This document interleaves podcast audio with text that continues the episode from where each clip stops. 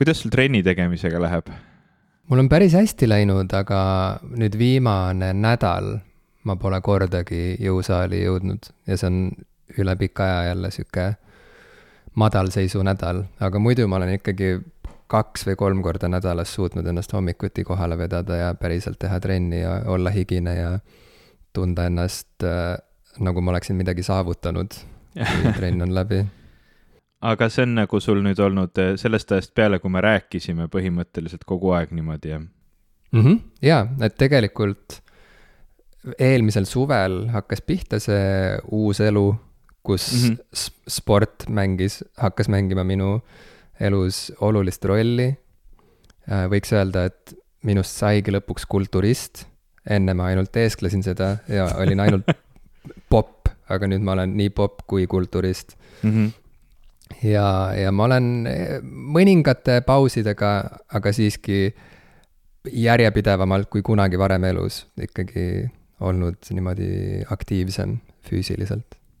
See teeb mind kohutavalt rõõmsaks, sest vaata, mina ei ole sellel teemal väga vahepeal rääkinud. Ja see on ka sellepärast, et suuresti kuskil sihuke detsembris ma nägin juba, et e-, eelmisel aasta detsembris siis mul nagu vajus see asi vaikselt ära ja tegelikult suurem osa selle aasta mm, jaanuar, veebruar, märts läks umbes samamoodi, et ma ikkagi kogu aeg üritasin ennast veenda, et nüüd ma lähen mingi hetk jõusaali, aga ma jõudsin sinna ikkagi ülimalt harva, et oli nädalaid, kus ma sinna kordagi ei sattunud ja ja selliseid nädalaid, kus ma oleksin tõesti kolm näiteks trenni äh, nädalas teinud, ei olnudki ja nüüd ma võtsin ennast uuesti kätte ja, ja see nädal olen kolm korda jõusaalis käinud, ühe korra jooksmas, kui me saate salvestamise lõpetame, lähen ma taas kord jooksma. ja ma isegi mm. olen nüüd jõudnud nii kaugele, et, et ma teen asja, mida ma, ma vaatasin, et ma olen umbes aastal kaks tuhat kaksteist esimest korda hakkasin tegema ja ma olen seda iga mingi mõne aja tagant jälle nagu uuesti üles korjanud ja siis ära lõpetanud ja, ja nüüd ma olen jälle seal, sealmaal, kus seda teha. Mm, oota, las ma arvan. ehk, ehk siis sa suitsetad crack'i jälle ma isegi ei tea, mis see crack oli, kas see on kuidagi heroiiniga seotud või? ma ka ei tea tegelikult, ma, ma, ma ütlen me oleme väga targad nendel teemadel, mul on siuke. see on mingisugune tökat see ei ole nagu see good stuff on..., ma saan aru, et see teeb sulle liiga äh,. see teeb sulle liiga samal ajal, kui sa arvad, et see teeb sulle head, nagu ma olen aru saanud okay.. aga see vist on mingit sorti nagu kanepi mingi plönn, mis on umbes kokaiiniga segatud või? ma ei tea. ma ei oleks isegi arvanud seda, ma arvasin, et see on mingi heroiini värk meie, meie kuulajate seas on õnneks väga palju narkosõltlasi, nii et kirjutage meile ja harige meid. Miks miks see nüüd vajalik oli, Jim? Ei no ma tahan, ma tahan, et kõik meie kuulajad, kõik meie kuulajagrupid oleks, oleksid kaasatud ja tunneksid ennast, et, et neid on, et, et neid nähakse mm., et neid kuuldakse, et me, et me, et me põhimõtteliselt oleme nende jaoks olemas mm, -hmm. me ei ignoreeri neid. jah äh Anyway, ma hakkasin jälle oma, oma toitu logima, ühesõnaga, et kal-, kaloreid lugema. niimoodi, et ma hmm. näeksin, kui palju ma, palju ma söön ja kui palju ma liigun ja kui palju kaloreid ma siis nii-öelda tarbin ja kulutan. Kuhu sa logid seda, neid? seda nüüd selle, selle nädala algusega hakkasin pihta. ma login neid sellisesse äppi nagu MyFitnessPal, mida ma tõesti olen aastast kaks tuhat kaksteist pidanud ja, ja nüüd ma mässan mässan jälle oma kaaluga ja oma toitumisega, tundub põnev mm.. ja ma kaalun ennast igal hommikul jälle. mul oli pool mm. aastat kaal katki okei okay.. ma ostsin uue. ostsid uue mm? -hmm. Nii et ühesõnaga, ma olen, ma olen väga health, health äh, lainel jälle. Äh, loodetavasti mitte ainult äh, väga lühikeseks ajaks okei okay,, no vaata, kevad on ka käes ja kuidagi kergem on olla ja.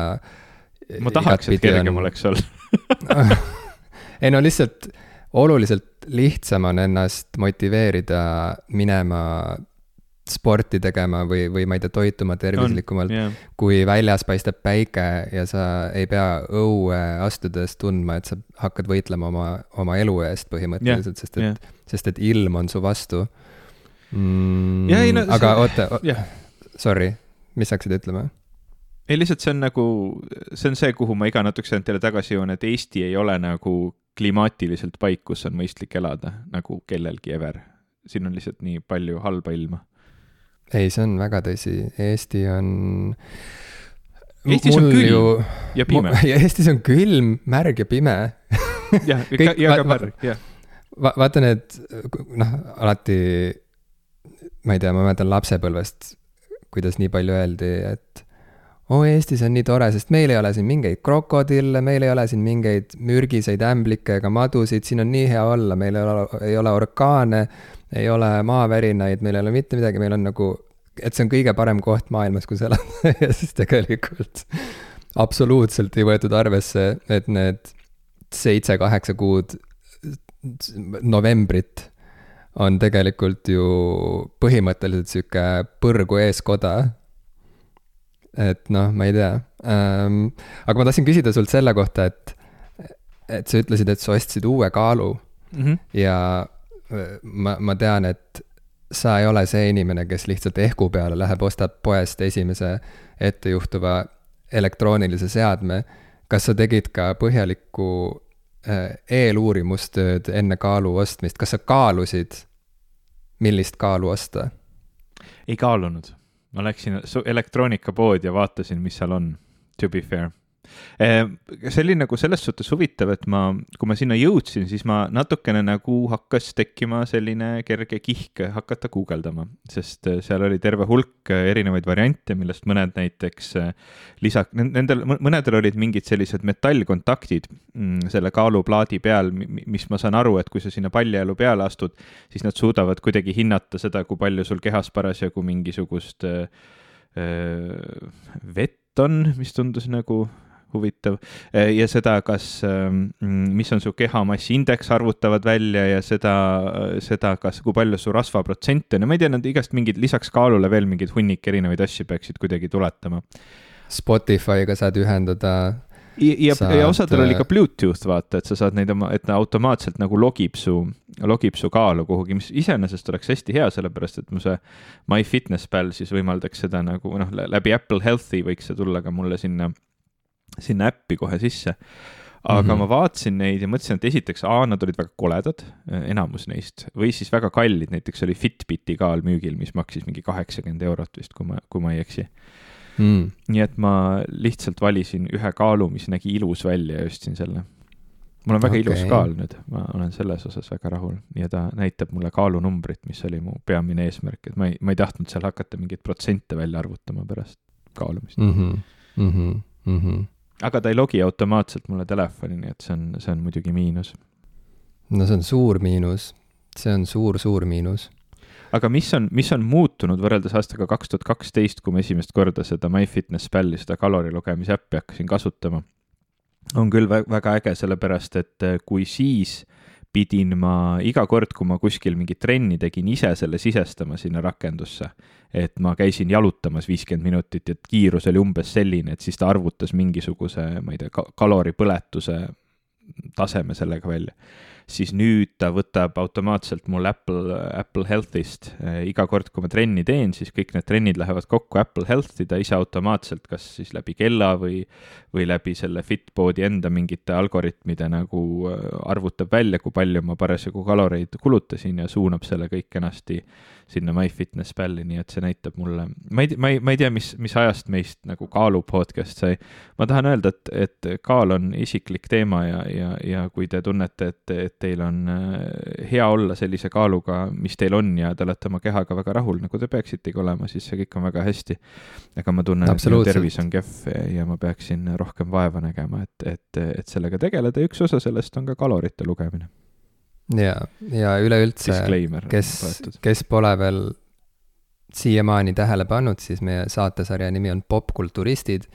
see teine pool seal, see kulturistide osa, see on liiga vähe tähelepanu saanud ja ka meie endi poolt liiga palju tähelepanu saanud, me oleme seda võtnud nagu naljana. andmata endale aru, et tegelikult me olime kogu aeg liikumas kulturismi poole ja nüüd me oleme praktiliselt kohal. mina olen väga muskulaarne nüüd juba sina oled vä väga muskulaarne. see, see, see küll vist väga ei, ei ole tõsi. ei no, see on väga tõsi, me oleme, kahjuks meil on sihuke audioformaat, nii et me ei saa tõestada oma muskulaarsust, aga ju siis peate lihtsalt uskuma, kui ma seda ütlen. et mm -hmm. praeguse seisuga, ütleme, popkulturistide ajaloos pole mitte kunagi varem istunud stuudios nii muskulaarsed noormehed. see, see on praegu on, next level, see on next level praegu, mis me, mis me oleme saavutanud. ja järgmisel aastal on see asi veel karmim ja, ja veel muljetavaldavam kui me oma kaaluasjad ka korda saame. sest et see ongi see, et praegu, praegu on niimoodi, et äh, see vale kaal nagu peidab meie muskleid. see on ka võib-olla tõsi. ja kui me saame kaalu õigeks, siis saab nagu see muu mudru nagu see noise kaob ära nende musklite ümbert ja me saamegi lihtsalt näidata, et, et mis siin, mis siin peidus oli kõik see aeg v. võib-olla ei, ära ütle võib-olla, ütle, ütle, ütle jaa ja,. ütle nii, jaa. nii täpselt ongi aga ma olen igatahes väga, väga rõõmus selle üle, et ma jälle olen saanud äh, selle jaksu tagasi, et trenni teha ja ma kohe ootan, ma juba ootan, et ma saaks jooksma minna, nii et võib-olla me peaksime saatega pihta hakkama.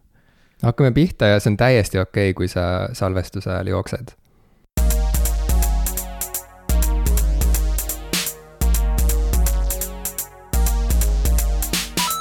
tere, minu nimi on Ivo Krustok.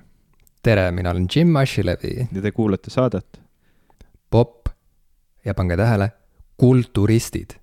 ja ma ei jookse praegu, lihtsalt ma igaks juhuks mainin, et ma, ma hetkel ikkagi veel istun toas, ma, ma, ma ei jookse. sa võiksid ju täiesti vabalt hankida jooksulindi ja siis äh, olla ja. oma arvuti ees ja mikrofoni ees ja joosta samal ajal, aga, aga ikkagi teha ka saadet kusjuures see oleks päris hea setup, ma, ma tean osasid inimesi, kellel on kodus, noh, vaata siin, siin on nagu mitu varianti. Et sa võid, kui sul on hea näiteks väga hea laud, mille sa saad ka nagu seisulauaks ümber tõsta, et siis sinna alla mm -hmm. on mhm. võimalik panna niisugune väike kõndimislint, et samal ajal mm, -hmm. kui sa, eks ole, arvuti taga töötad, siis sa saad kõndida ja, ja natuke liikuda ja, ja siis on ka selliseid lahendusi, mis on, mis ongi nagu selline jooksulint, kuhu siis on pandud selline lauake juba, juba külge ja sa saad seal taga näiteks vahepeal käia tööd tegemas. aga yeah. mulle tundub see nagu selles suhtes natukene äh, halb variant, et ma ei tahaks nagu kogu aeg, kui ma arvuti taga istun, kõndida ja, ja noh, kuigi ma saaksin laua alla lasta, siis mul on niisugune tunne, et seda linti sealt alt kuidagi ära koristada iga kord ja, ja tool sinna panna. ühesõnaga, see tundub väga niisugune ruumi, ruumimahukas ja, ja, ja ajamahukas tegemine. aga see oleks mm -hmm. lahe, see võiks mul tööl mm -hmm. olla. see oleks lahe ja see, ja see mõjuks su tervisele hästi mul oli üks töökaaslane, kellel oli täpselt selline setup, mida sa kirjeldasid. sest et nagu me teame, äh, tänapäeval äh, pandeemia aegses, tuleb vist veel öelda, maailmas ähm, on inimestel rohkem videokõnesid kui kunagi varem ja see kolleeg konkreetselt äh, haaras härjal sarvist ja ja tegi nii, et ta saaks päev otsa liikuda, samal ajal kui ta seisab oma webcam'i ees ja mm. ajab äh, Zoom'is või Google Meetsis asju. ja, ja, ja mõni, mõni, mõne päeva lõpuks ta sai nii palju samme kokku, et see oli muljetavaldav ta sai rohkem samme kokku kui inimesed, kes spetsiaalselt käivad väljas, et oma samme kokku saada mm -hmm. päeva. ei no muidugi, see, sul ta niimoodi jooksvalt kogu aeg käib, eks ole, kõrval jooksvalt käib, jooksvalt mm käib ja vahel äh, käies jooksis, kõndides jooksis mm. -hmm. Mm -hmm. ei no ma ütlen. kiir, kiirkõnd on selle nimi. igatahes on see hea asi, muidugi noh, ma ütlen, et, et see on tihti, äh, see on, see on tihti ka nagu sellega seotud, et vaata, räägitakse, et, et see nii-öelda püstiseisulaud on hästi hea Äh, aga tegelikult ta ei ole hea selles mõttes, kui sa kogu aeg püsti seisid, siis see on täpselt samamoodi nagu hakkab tekitama selliseid äh, sundasendeid ja, ja mm, -hmm. ja mhm. mõjuma kehvasti, nii et kõige parem on nagu vaheldada seda asendit, kus sa istud, et vahepeal istud laua taga tooli peal, vahepeal seisad, vahepeal lamaskeled kuskil, noh, ühesõnaga liigud yeah., sul, on nagu mitmeid asendeid, kus sa oled ja sa ei ole kogu aeg nagu mingisuguses sundasendis kinni mm. ja, ja see ei koorma sind mm. liigselt ühes asendis ära. et mul on sama tunne nagu selle kõndimisega, et kui sa seda kogu aeg nagu kaheksa tundi päevas pead tegema, et see tegelikult ei ole sulle ka nagu pikas perspektiivis, aga, aga see on, see on tunne, ma, ma tegelikult ei tea. lihtsalt mina, mina tunnen, et ma ei tahaks seda teha ja, ja noh, eks iga, igaühele oma, aga ma tahan ka kiita üles-alla tõstetava lau-, laua mugavusi. kas sa kasutad ja, ja seda? hüvesid. jaa, ma kasutan, sest et mul oli terve aasta, äh, kui ma töötasin näitlejatega, et teha Disco Elysium Final Cut'i ja no iga päev möödus stuudios salvestades. ja, ja ma istusin suurem osa ajast. ja mitte ainult ei istunud, vaid kahjuks lausa nagu küürutasin seal, sest et äh, mul oli laua peal noh, olid erinevad seadmed ja, ja üks, üks neist oli ka selline nagu mikrofoniga seade, kuhu ma kummardusin lähemale, kui ma tahtsin näitlejaga rääkida, kes siis oli äh, seal selles helikindlas äh, putkas, on ju või siis oma kodus, juhul kui ta ei tahtnud tulla Brightonisse kohale, kuna oli pandeemia kõrgaeg. Ja, ja siis, ähm, ja siis jah, kuna ma pidin seal vajutama neid nuppusid ja niimoodi vahepeal rääkima või mitte vahepeal, vaid väga, väga, väga tihti rääkima näitlejatega, siis, siis tekkisidki mingid siuksed sundasendid ja mingid siuksed valud ja, ja pinged lõpuks, mis äh, ei läinud hästi ära, eriti noh, siia nagu arvata võib, siia nagu õlavööndisse ja, ja niimoodi turja juurde tekkis mingisugune sihuke valus ja kange ala ja, ja endiselt, kuna oli pandeemia kõrgaeg, siis mul ei olnud võimalik kuskile massööri juurde minna, nii et ma, ma tellisin endale või ei, äh, poest ostsin endale mingi sihukese massaažipadjakese põhimõtteliselt, et sihuke padi, mille sa pistad stepslisse ja siis selle padja sees on kaks sellist ähm, number kaheksa kujulist või sihukest nagu, ma ei tea, sihukese nagu voolujoonelise, kaks voolujoonelise hantli kujulist sellist äh,. liivakella kujulist. liivakella kujulist sihukest mudijat, ütleme, on ju, mis siis hakkasid niimoodi ringi käima äh,, imiteerimaks äh, inimkäsi, inimkäte liikumist, kui nad teist inimest masseerivad. ja seal on ka selline äh, kuumamassaaži re režiim, äh, mida sisse lülitades need, need liivakellakesed hakkasid niimoodi punakalt helendama ja, ja läksid natuke soojaks ka, nii et selle, see, see padi aitas mind väga palju ja see oli nagu ainus selline füüsiline tugi, mis mul lõpuks oli, aga sellest oli vähe, sest tegelikult ma oleks pidanud lihtsalt nagu mitte köö-, köögutama nagu selle, selle, selle, selle laua kohal ühes samas asendis tundide viisi iga päev. nii et nüüd, kui ma äh, ikkagi äh, töötan vaheldumisi nii istudes kui ka seistes ja vahepeal käin ringi ja nii edasi, on, on mul oluliselt parem ja, ja ma ei saa üldse kurta äh, mingite selliste valude üle nagu, nagu tol perioodil ja noh, muidugi, muidugi aitab ka see, et ma regulaarselt lihtsalt käin ka trennis, et see ka loob mingisuguse siukse ähm,, annab mingi vormi, mis, mis, mis toetab ja, ja mm., ja hoiab, hoiab nagu valu eemal jaa, aga see põhiline asi, mis, mis ongi nagu nende lau-, muudetavate laudadega, et, et see kõige parem, mida saab teha, on vaheldada, et vahepeal, vahepeal istud ja vahepeal seisad, et. jaa, jaa. ma olen hästi tihti inimesed, kes, kes esimest korda selle laua saavad, siis noh, kas jäävad sinna taha kogu aeg seisma või siis ei kasuta seda kunagi, jäävad sinna istuma, et, et üldiselt mm. -hmm ma ise olen mõelnud, et äkki peaks endale isegi mingid meeldetuletused panema, kuigi, kuigi vahel nagu on, on ilmselgelt niisugune tunne, et sa oled hästi kaua ühes asendis olnud, et kohe tahaks nagu, nagu püsti tõusta või tahaks nagu natukene liigutada ennast või, või teistmoodi olla yeah.. nii et see, noh, neid ma väga soovitan, mul, mulle ka meeldib seda, seda vaheldust teha, ma olen igasuguseid asju katsetanud, kuna ma nii palju arvuti taga istun, et kunagi ma istusin näiteks aastaid selle võimlemispalli peal mhm. mm, -hmm. mis esialgu võib-olla on selles suhtes hea, et sa pead hästi palju oma lihaseid kasutama, et ennast seal üldse tasakaalus hoida ja ta ei lase sul nagu kehal liiga sundasendisse jääda. aga tead pikapeale sellega harjub nii ära, et sa nagu lösutad selle palli peal ka jumala, suvalt mm. ja ja tegelikult mm -hmm. ta võtab üsna palju ruumi, on ka see yeah, nagu häda, miks yeah. ma teda tihti ei kasuta ja nad näevad lihtsalt ülitobedad välja mm.. minu meelest äh, alati, kui kuskil kontoris on need istumispallid, siis see näeb välja nagu mingi tsirkusetrenn hakkaks kohe-kohe pihta. ja see kuidagi, ma ei tea, ei, ei ole hea vaatepilt. mitte, et Mm. mul tsirkuse vastu midagi oleks, aga lihtsalt see, just nimelt see kontori kontekst muudab sulle? selle kuidagi nõmedaks mm. -hmm. nagu stiili poolest nõmedaks okei ma ei tea. Jah, mul oli ta kodus pikka aega, aga see on jah, mingi hetk sai nagu kontoris ka mõnda aega kasutatud, aga see on selles suhtes naljakas, et kui sa teedki neid nagu videokoosolekuid ja sul teine, teine osapool seal nagu bounce ib üles-alla kogu aeg. jaa, see on nagu veits tegelikult imelik. jaa, aga jaa no mis sa teed? kas terviseminutid on läbi? Äh, jah, on, mida vanemaks me saame, seda pikemaks venivad need terviseminutid, mulle meeldib see, et et, et me jääme ikkagi oma reaalsusele ja oma, oma oludele ja hetkeseisule truuks. me ei varja midagi, see on aus saade.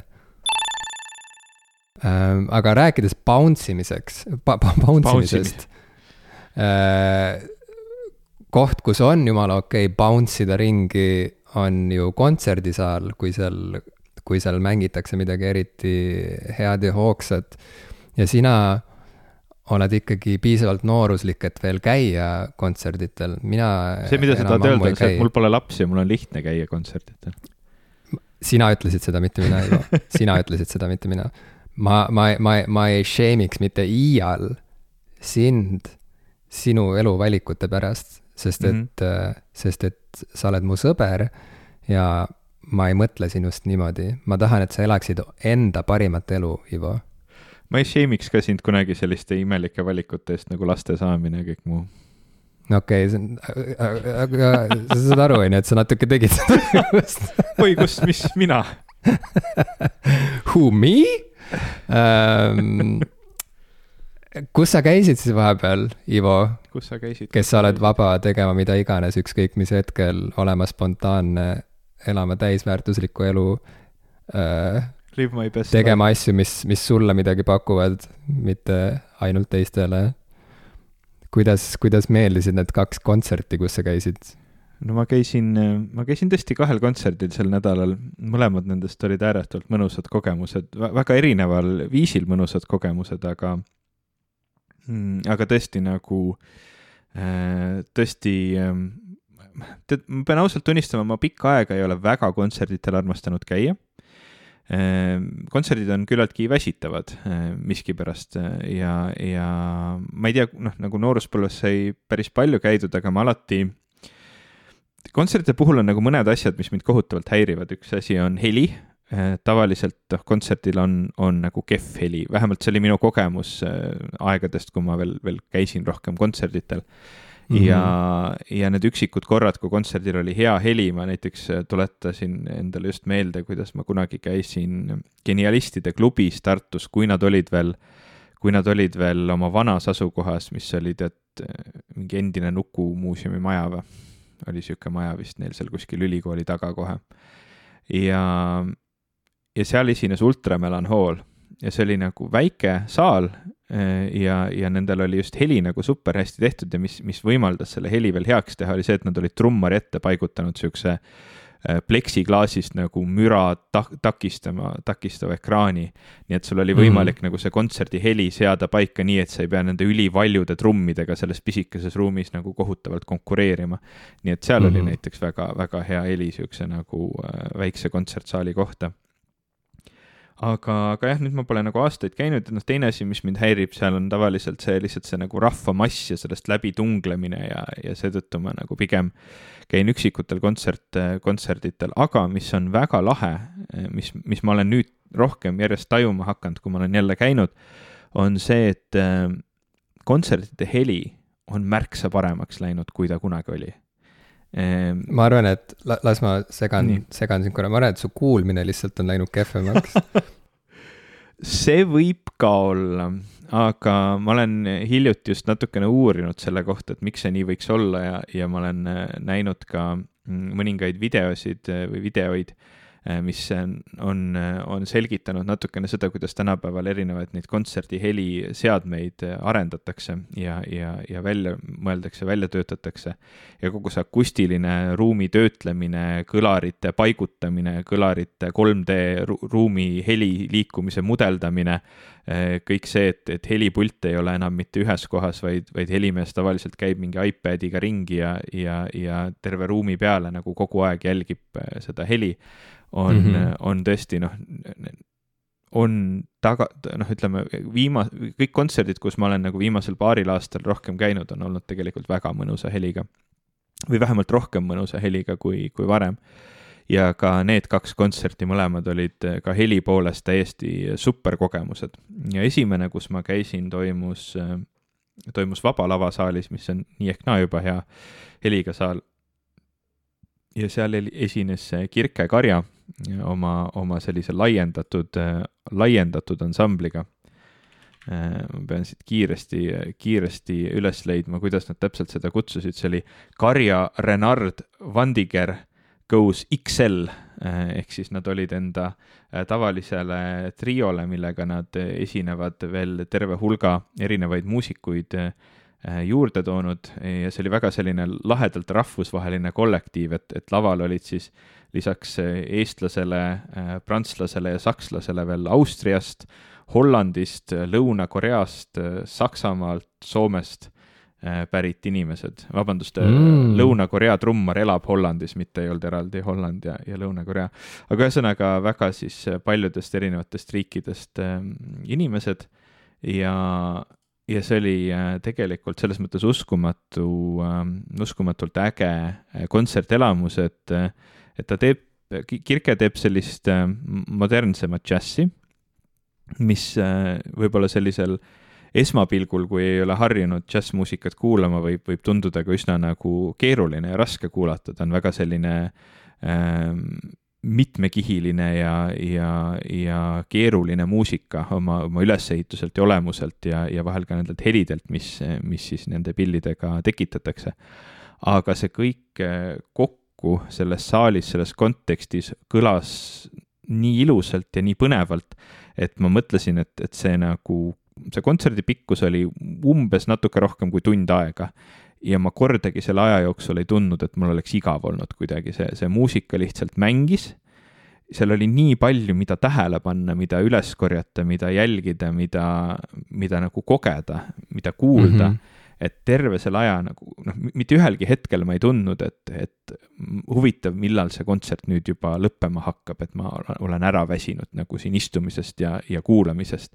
et see oli tõesti selline vägev kogemus ja, ja muidugi noh, kõik eh, laval olnud äh, laval olnud muusikud mängisid oma, oma pille ja oma osasid tõesti suurepäraselt.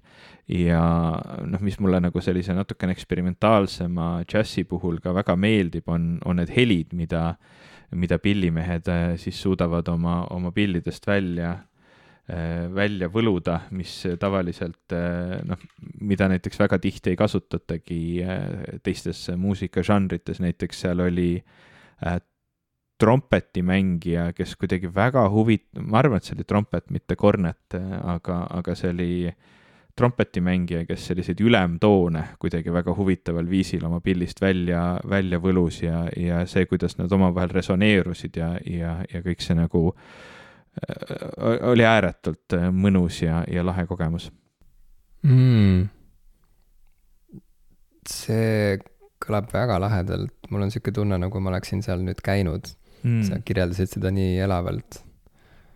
ja see suur bänd oli ka selles suhtes lahe, ma olen Kirket nüüd äh, kahel korral varem äh, kuulnud, ükskord oli ta Lepo Sumera äh, etenduse Südameasjad oli vist selle pealkiri, selle nii-öelda siis laval oli tema siis üks, üks nii-öelda muusikaline juht ja pianist, kes siis seda oma ansambliga sellele etendusele muusikat pakkus ja teinekord mm -hmm. ma käisin kuulamas teda siis selle trioga ilma nende, nende lisamängijateta ja see, see, see kogemus nüüd koos selle suure bändiga oli kõige, kõige ägedam tõesti, noh, kõik, kõik nad on ägedad olnud, aga see oli kuidagi sihuke eriti, eriti mahlane ja, ja lahe mm. -hmm.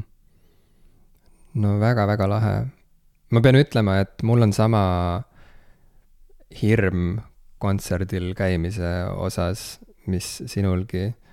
Äh, kui, kui ma lähen kontserdile, siis see on harilikult mingi bänd, mida ma väga tahan kuulda laivis. Äh, kindlasti on palju inimesi, kes käivadki hobi korras kontserdilt kontserdile. see ei pea tingimata olema lemmikbänd, mille kontserdile minnakse vaid lihtsalt kontserdil käimine kui selline on nagu loomulik osa selle inimese elust, samamoodi nagu on inimesi, kes käivad teatris lihtsalt niimoodi, et neil ei ole mingit lemmikteatrit või no, või no võib-olla isegi on, aga põhimõtteliselt nad nagu ei, ei käi siis ainult selles ühes teatris, nad, nad käivadki, ma ei tea, iga kuu käivad erinevates teatrites ja, ja vaatavad erinevaid lavastusi. mina ei ole kontserdi kontserdimaailmas üks, üks nendest inimestest, kes lihtsalt käiks kontserdilt kontserdile ja, ja ma samamoodi lihtsalt ei talu esiteks kehva sound'i.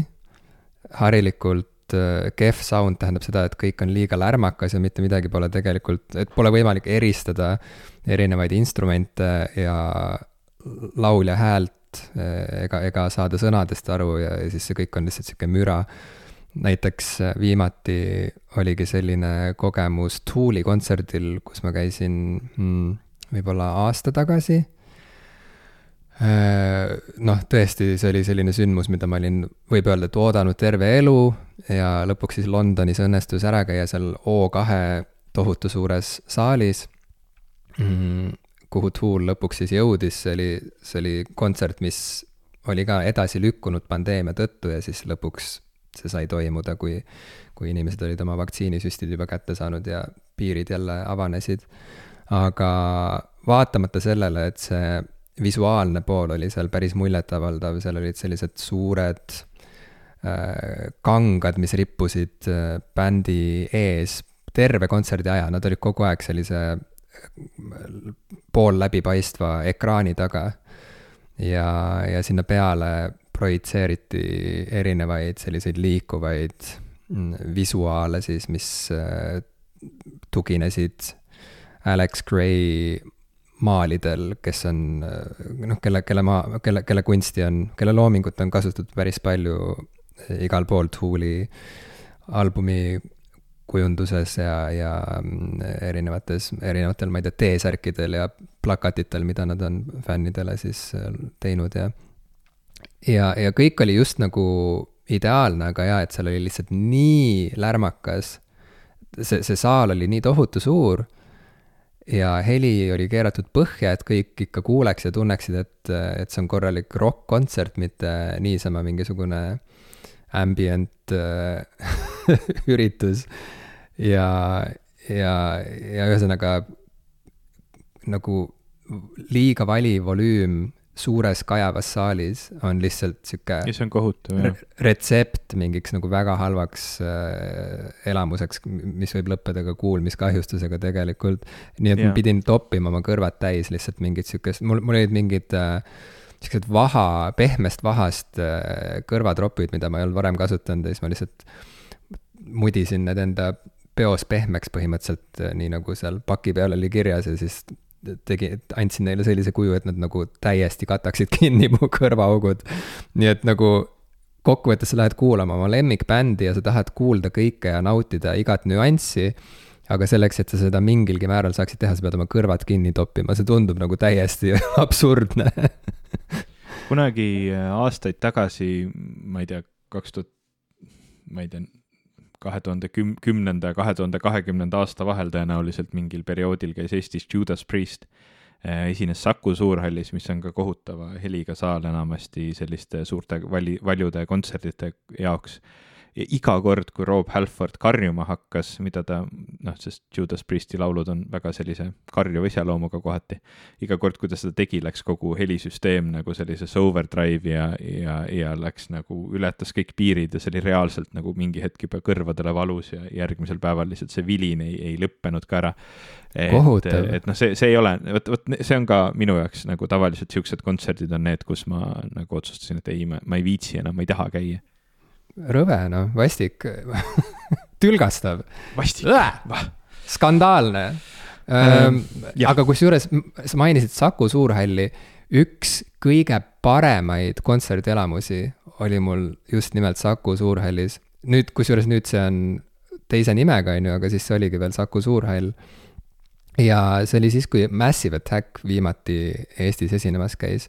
ma olin täiesti hämmingus, kui hea heli neil seal oli, sest et äh, see oli Saku Suurhall, kõik, kes on seal käinud, teavad, et see on samamoodi sihuke väga kõrgete lagedega, lihtsalt sihuke tühi suur angaar põhimõtteliselt, kus on, ma kujutan ette, et päris keeruline luua mingit sihukest head äh, akustilist keskkonda, aga midagi tegid nad seal ikkagi nii õigesti, et ma kuulsin igat nüanssi, kõik värvid olid ilusti nähtaval selles helipildis ja seejuures oli see piisavalt vali, et äh, tekitada minus tunnet, et ma ikkagi olen kontserdil ja näen midagi elust suuremat.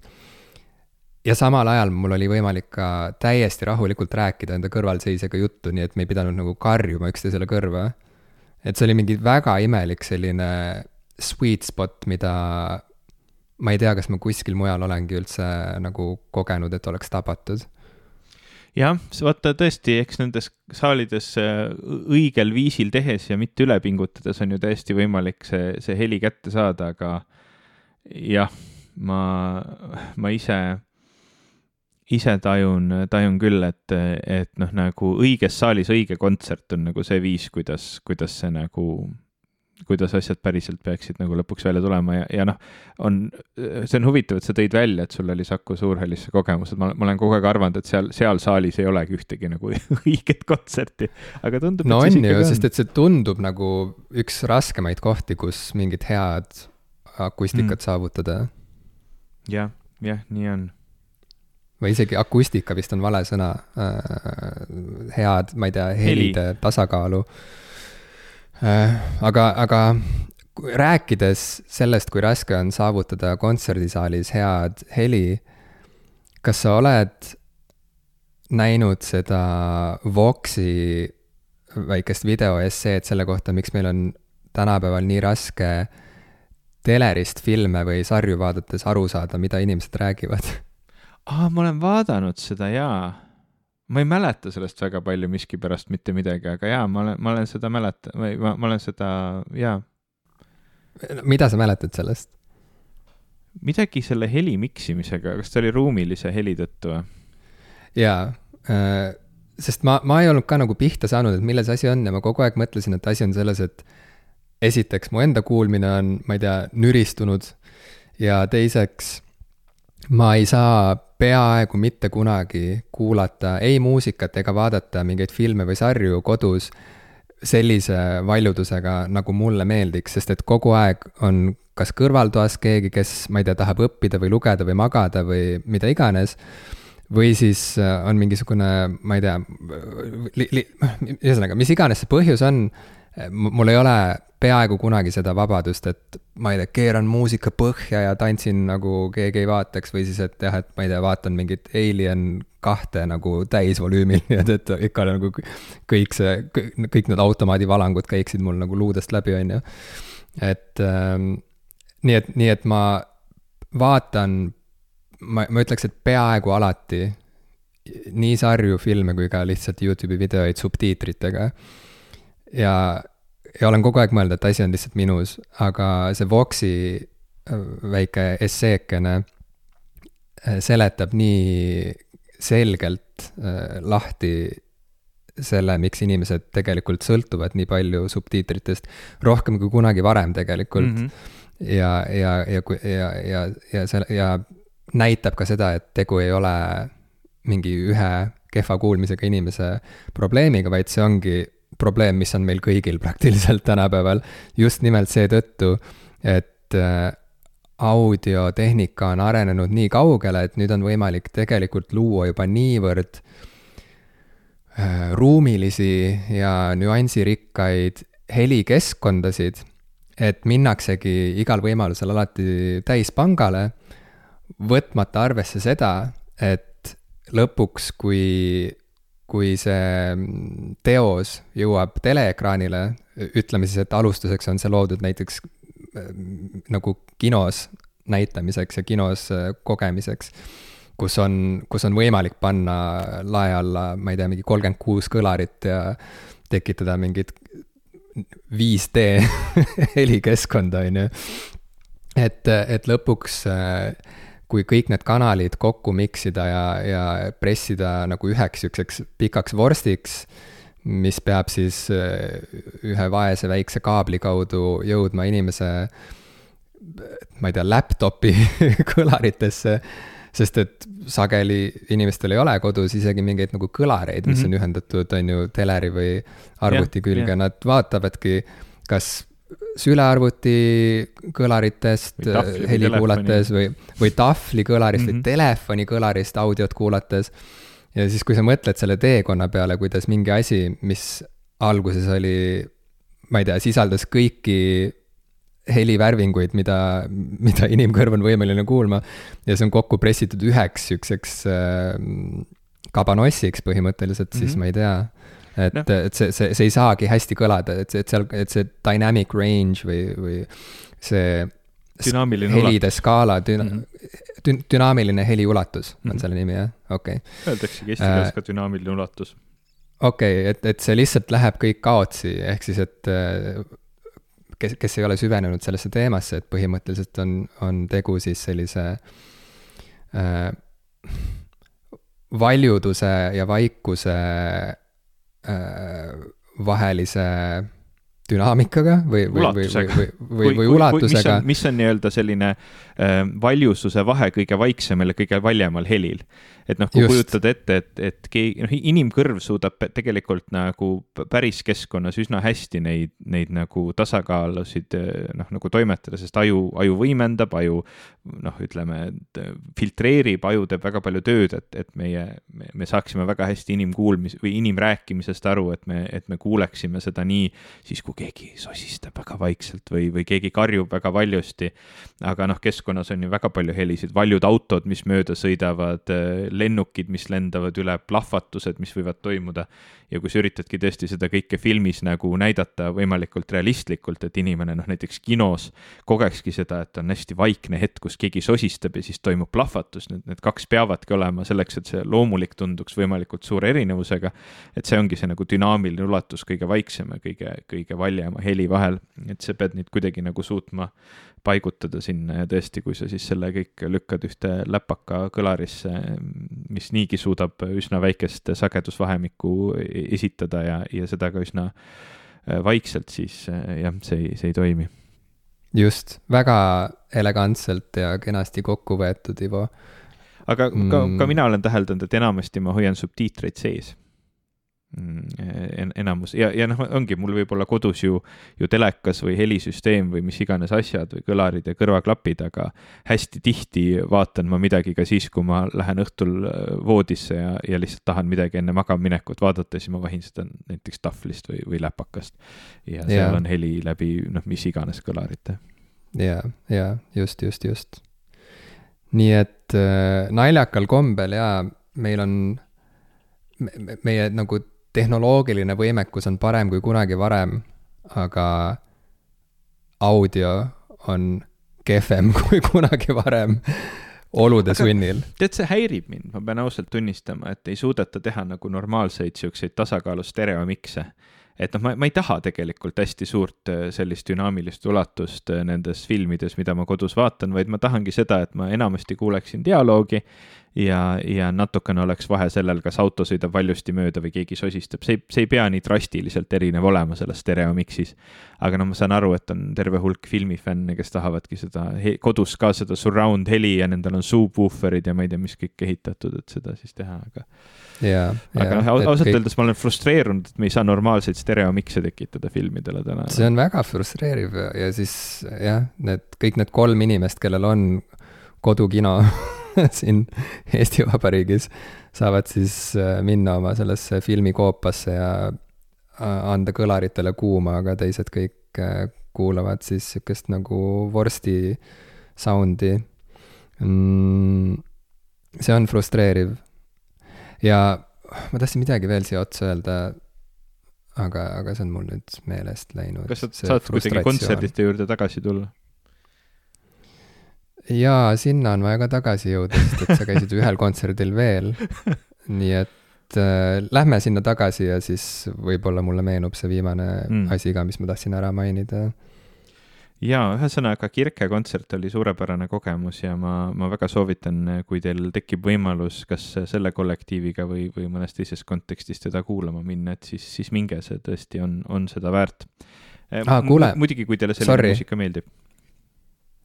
Mulle meenus see asi, ma lihtsalt mainin selle ruttu ära, sest et see äh, ei ole üldse seotud selle järgmise kontserdi kirjeldusega äh,.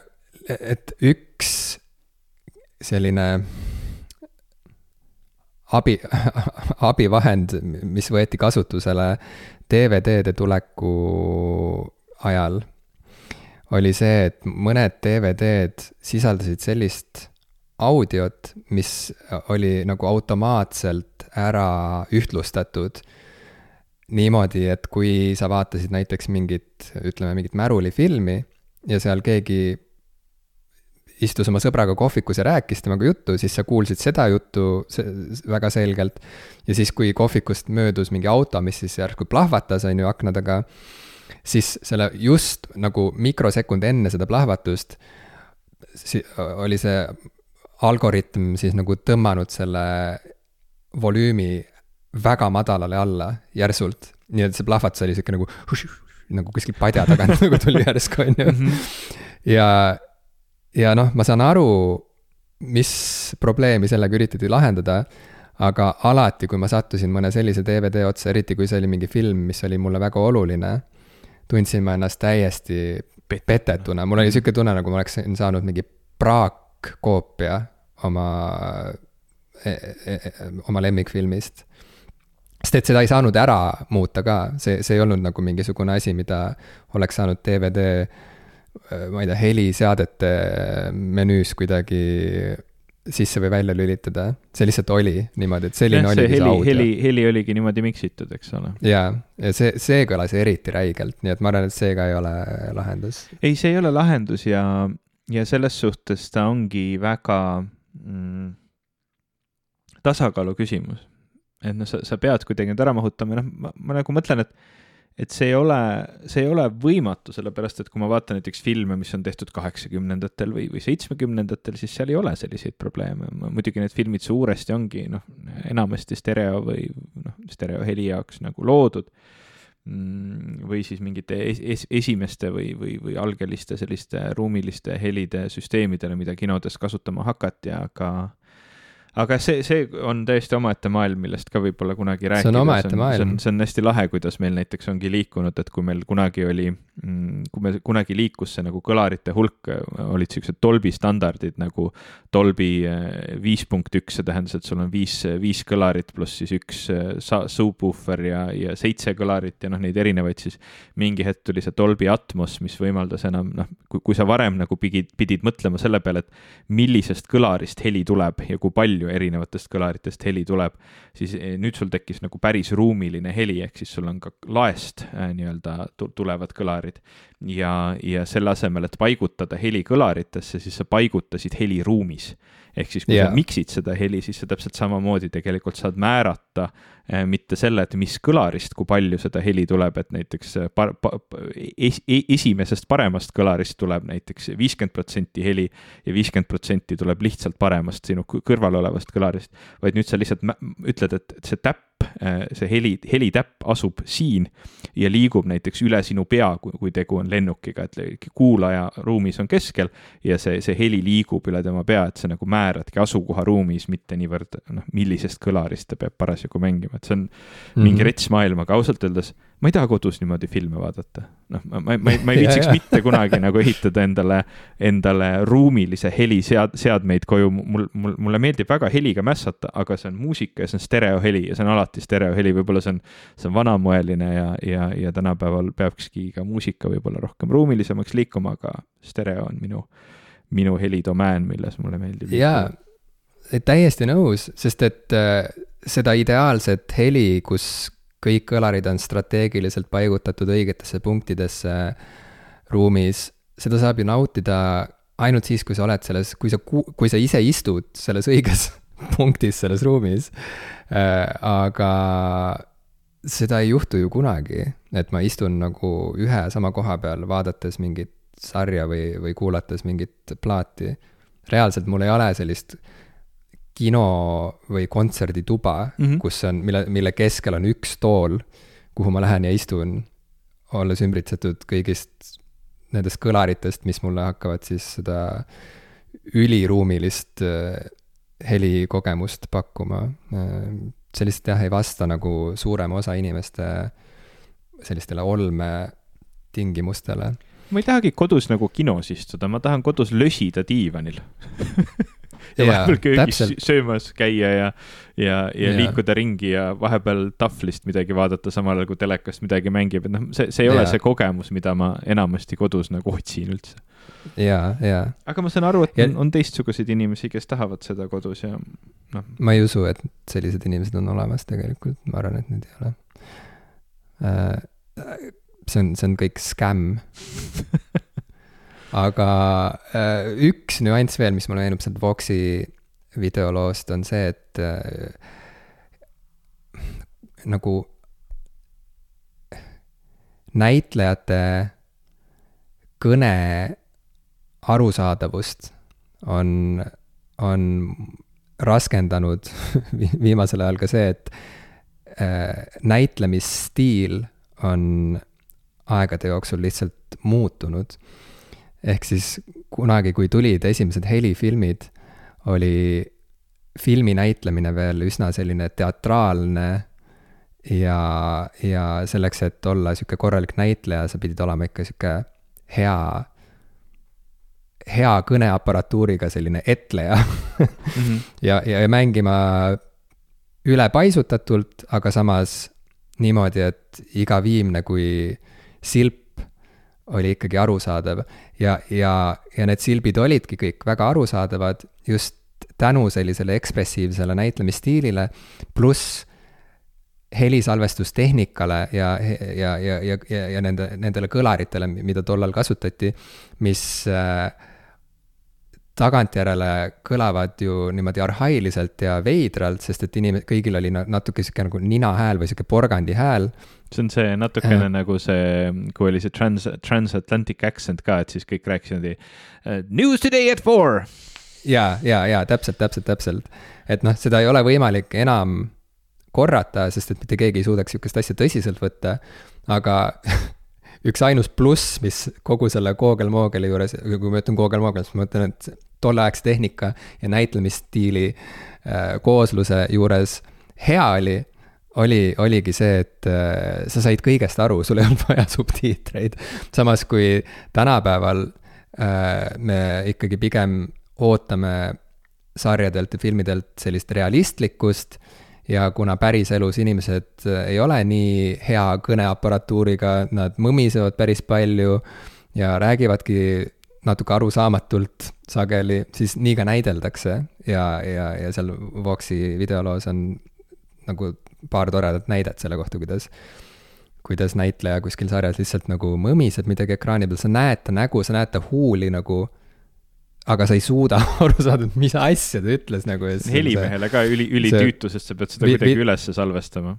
jaa, et see videoloo autor ka seal hüppab kogu aeg kümme sekundit tagasi, et uuesti üle vaadata seda väikest lauset, mis sai öeldud, et ikka ei saa aru ja siis paneb subtiitrid peale ja siis lõpuks saab aru ühesõnaga, seda kõike mm. tahtsin veel mainida, me paneme selle Voxi videoloo äh, lingi enda saate märkmetesse ka.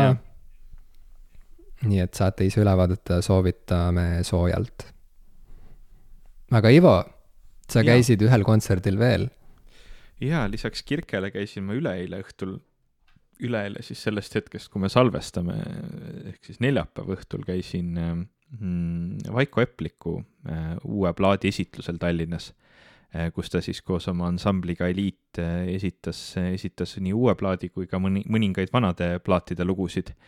ja, ja kuna Vaiko Eplik on üks ilmselt minu tähtsamaid Eesti või minu jaoks tähtsamaid Eesti muusikuid äh, üldse, siis see oli ka väga selline meeliülendav kogemus, ma ei ole ma ei ole ammu-ammu tegelikult Vaiko Epliku kontserdil käinud, ma olen teda ikka, ikka iga mõne aja tagant kuskil esinemas näinud. aga aga ma püüan mõelda, et kas selle ansambli nagu koosseisuga võimalik, et ma isegi ei ole või, või siis väga ammu ei ole, ei ole teda esinemas näinud. ja, ja see isegi räägib päris palju, sest selle ansambliga on ta juba ikkagi aastaid ja aastaid koos mänginud. ja nüüd siis uue plaadiga, mille nimi on Klišeed Äh, see on huvitav, sest tavaliselt olen ma Vaiko Äpliku plaatidega olnud väga selline lausa fanaatiline, et nii kui nad välja tulevad, ma kohe tahan, kohe tahan kuulata, kohe tahan omada, tahan äh, nii-öelda seda linnukest kirja saada, sest ma olen neid kogunud sellest ajast saati, kui tal see esimene sooloalbum Vaiko Äplik ja Eliit üks Äh, välja tuli. Mm, ma mäletan isegi, et issand, ma olin, ma arvan, ma olin siis keskkoolis ja ma mäletan, ma lugesin, lugesin seda ajalehe artiklit, kus ta siis rääkis, et bändi teha on tüütu, et pead nagu teiste tüüpidega ajad kokku leppima ja siis kõik peavad kohale tulema ja peavad olema adekvaatsed ja olema oma osad läbi harjutanud ja ja alati see ei ole nii ja ühesõnaga, et nii palju lihtsam on lihtsalt ise, ise ära salvestada oma osad ja, ja mõned sõbrad nagu appi kutsuda vahel mõnda osa sisse laulma või mängima ja ja saabki nagu plaati teha, et see oli sihuke nagu Eesti muusikamaastikul sihuke uus noh, tuul, et kodu, kodus lindistamine, ise mässamine ja ise, ise, ise tehtud plaat. ja mm, -hmm. ja see oli selline noh, selline suur, suur muutus meie muusikamaastikul ja, ja ka minu jaoks isiklikult selline hästi oluline muutus, et ma, see, see ka mind inspireeris just nagu väga palju kodus oma, omaenda muusikat salvestama ja kõike nagu ise, ise tegema aga mida aeg edasi, seda, seda harvem on tekkinud neid hetki, kus noh, see on juba tal, ma saan aru, vist kaheteistkümnes plaat sellest seeriast, mis algas siis selle plaadiga üks ja. kaheteistkümnes plaat? jaa. täiesti uskumatu. on ju? ja mida aeg tunne edasi. tunne on selline, et, et võib-olla kuues või seitsmes vaata, vahelt on, vahel neid, neid plaate on tõesti tegelikult ju väga palju olnud ja, ja mitte kuidagi ma ei mõtle seda nagu halvas mõttes, ta lihtsalt ongi nagu enam-vähem iga aasta ühe niisuguse nagu plaadi välja andnud.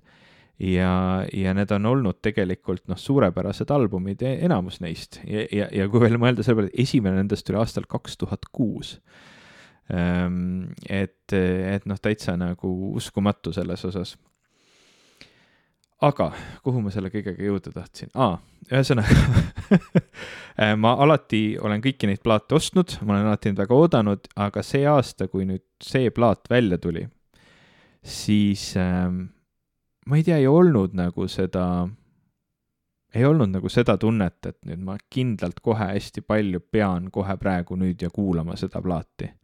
Ma ei, ma ei, ma ei oodanud seda nii, see pigem tuli niisuguse nagu huvitava üllatusena, et oo, et et Vaiko Eplikul on, on jälle üks, üks äh, põhiseeria nii-öelda plaat välja tulemas, et, äh, et kindlasti tahaks kuulata, aga noh, siis ta tuli välja ja ma korra nagu paari lugu kuulasin ja too päev ei olnud tuju ja väga ei kuulanud. nii et ta jäi nagu sinna kõrvale niimoodi, niimoodi seisma natukeseks ja, ja siis, kui see kontsert nüüd välja kuulutati, siis mõtlesin, et issand, ma pole ju tõesti näinud Vaiko Eplikku selle all, selle plaadiga esinemas mis, mida ma ütlesin, selle bändiga, selle koosseisuga esinemas.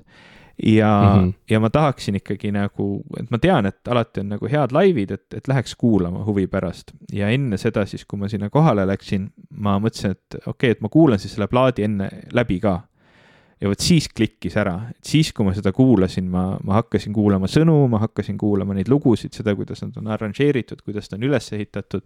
ikkagi väga sihuke klassikaline Vaiko Eplik, aga teis-, noh, jällegi jällegi väga palju uut ja, ja väga nagu värske ja mõnus ja, ja see kõik oli selline praeguse selle kevade ja, ja päikese ja siukse nagu mõnusa ja avarama ajaga jälle noh, kuidagi klikkis nii ära, et, et, et see plaat oli suurepärane kogemus ja siis ma läksin sinna kontserdile, mis oli veel enam selline meeliülendav kogemus.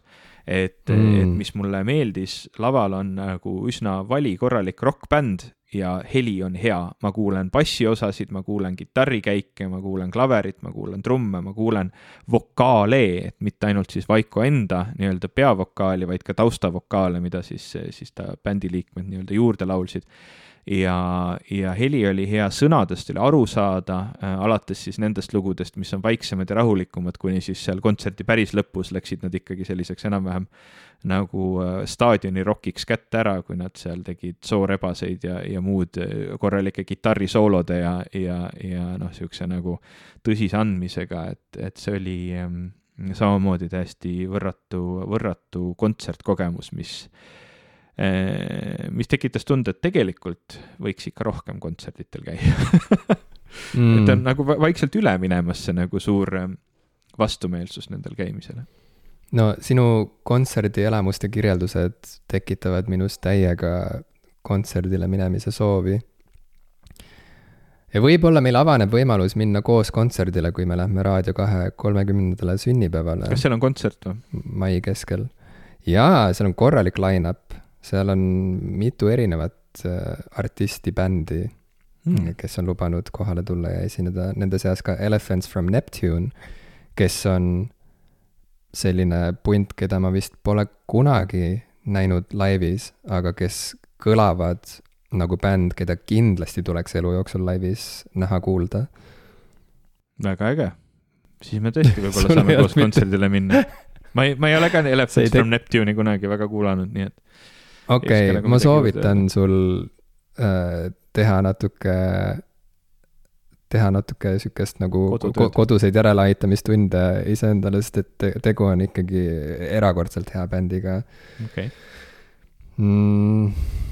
noh, okei okay,, see on subjektiivne, see on maitse asi, aga ma võin ka objektiivselt öelda, et nad on ikka ühed virt-, virtuoossemad ja siuksed, ma ei tea, fant-, fantaasia küllasemad äh, art-, artistid, keda, keda ma tean nagu tänapäeva Eesti muusikaskenelt mm,.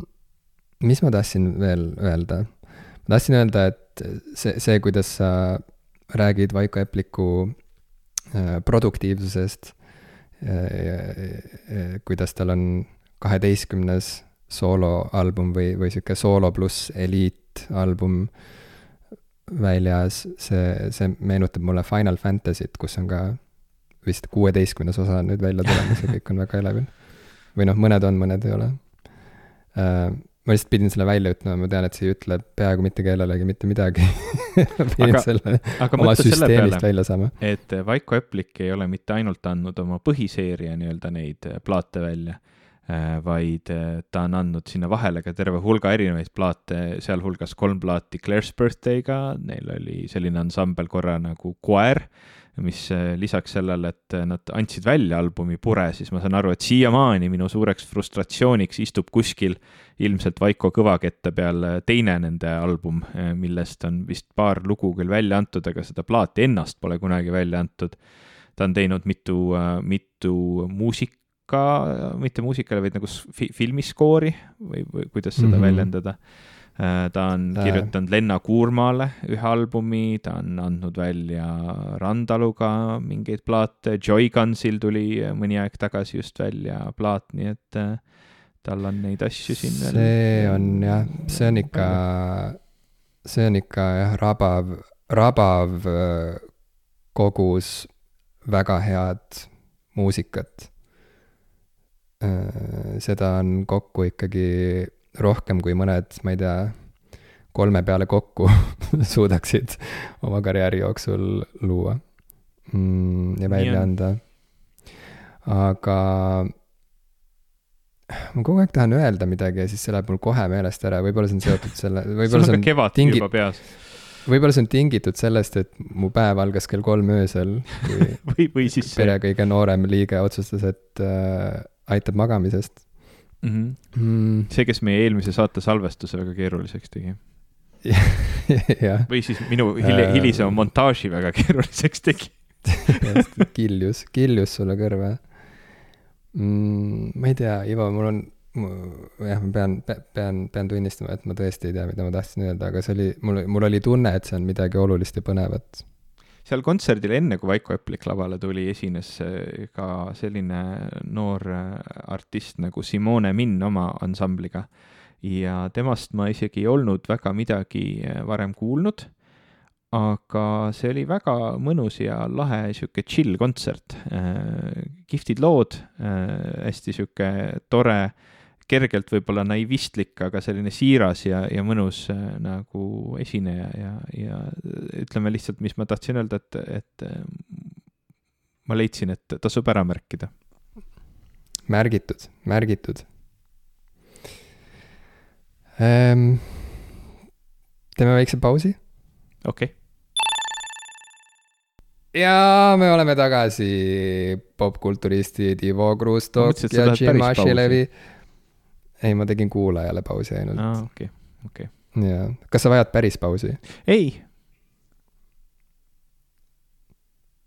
ei. aga näed, ma ikkagi pakkusin sulle ühe pausi. ei, selles suhtes sa oled väga, väga viisakas sinust. ei, see, see, see väike vaikus, see oli sinule. aa, aitäh nii arvad? jaa, jaa. väike ja. vaikus. see ei olnud sellepärast, et mul internet hangus aga ma tahtsin rääkida sulle ühest dokumentaalsarjast, mida on võimalik vaadata kanalilt Youtube. ma ei tea, kas sul on see kanal? kanal Youtube mm, -hmm. mul on isegi Youtube'i see tasuline variant, et ma ei peaks neid reklaame vaatama. ausalt? sa oled üks ma nendest inimestest. nii palju Youtube'i.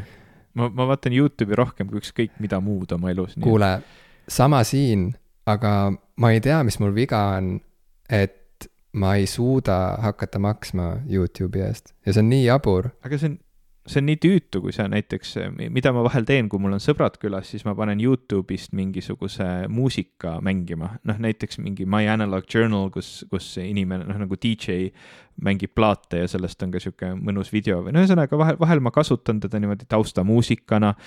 vahel ma vaatan sealt päris pikki dokumentaalfilme, vahel ma vaatan sealt eh, nii-öelda videosid, mis vahelduvad hästi tihti ja nagu need, need pidevad reklaami nagu vahele trügimised on nii tülikad ja minu telekal ei ole minu meelest võimalik neid kuidagi ka mittelegaalsetel viisidel välja lülitada, nii et eh, minu jaoks on see küll ikkagi meeletult ära tasunud, see, see subscription. jaa, ma täiesti usun sind ja ma kasutan Youtube'i samamoodi nagu sina ja sama tihedusega ilmselt ka, nii et äh, ma tõesti tegelikult ei saa aru, milles see psühholoogiline tõrge seisneb, et ma ei suuda äh, käsi ei tõuse, et hakata oma krediitkaardi numbreid sinna mm. sisse toksima. ja samas ma võin rahulikult passiivselt äh, lasta oma rahal minna Disney plussile ja Prime videole ja, ja Netflixile, kui vahepeal võib vabalt mööduda paar kuud või kolm, kus ma ei vaata sekunditki midagi, mida nad pakuvad, see on täiesti jabur, ma ei, ma ei saa aru, millest see tuleneb, mis, mis asi see on. ma, ma, ainus, ainus asi, mida ma suudan nagu kirjeldada selle juures või, või tuua välja selle, selle tõrke juures on see, et kuna Netflix, Prime ja Disney pluss sisaldavad sellist sisaldavad erinevaid nagu frantsiise ja mingeid nagu ammu tuntud klassikuid. sihuke päris asju. nii-öelda päris asju, siis mul on mhm. selline tunne, nagu ma maksaksin ka päris asja eest ja kui mu raha isegi läheb neile äh, nii-öelda mitte millegi eest äh,, siis mul on tunne, et ma olen nagu toetanud mingit head asja, mis on jabur, sest et need on. sa ühed... oled toetanud head asja, ehk siis Disneyt või? jah, eks need on nagu ühed ma maailma kõige jõukamad korporatsioonid üldse, mis mõnes mõttes nagu on... nii tore, et sa toetad ikka häid asju, mitte neid nagu random suvalisi creator eid, kes nagu oma rahadega üritavad videosid kokku panna täpselt, et see ongi. see raha läheb ikka Disneyle. see ongi mingi täielik selline ajusõlm mida ma ei suuda lahti harutada enda peas, sest et Youtube'iga seoses mul tekib kohe sihuke tunne, et aa, see on ju tasuta ja see peabki olema tasuta. kellele ma seda raha maksan? noh, kokkuvõttes Youtube on ka ju Google'i oma ja see ei ole nagu lõppkokkuvõttes mingisugune heategevus, kui sa maksad Youtube'ile raha. aga see. aga vot asi ongi selles, et Google ei maksa nendele loojatele enamasti, vaid äh, Google korjab kokku kas siis reklaamiraha või, või, või sinu nii-öelda kuumaksete raha, võtab suure osa sellest endale ja mingi osa annab siis äh, ära. Mm -hmm.. noh, ühesõnaga, et lõpuks sa ikkagi rahastad maffiat ja sataniste, aga ähm, mis ma tahtsin öelda, et ma vaatasin Youtube'ist ikkagi siis äh, reklaamipausidega mm, sellise pika dokumentaalsarja ära, mille nimi on Psych Odyssey. ja me enne saadet just rääkisime sellest põgusalt, sa ütlesid, et sa ei ole sellest mitte midagi kuulnud. Äh, ja siis, kui ma mainisin, et see on doksari, mis jälgib äh, sellise videomängu nagu Psychonauts kahe tegemist, siis, siis äh, sa hakkasid natuke juba aimama, et äh, millega on tegu, sest et sa, sina oled natuke Psychonauts kahte mänginud, mina olen ka hästi natukene seda mänginud, aga me, meil kummalgi ei klikkinud see piisavalt, et, et noh, jääda seda mängima.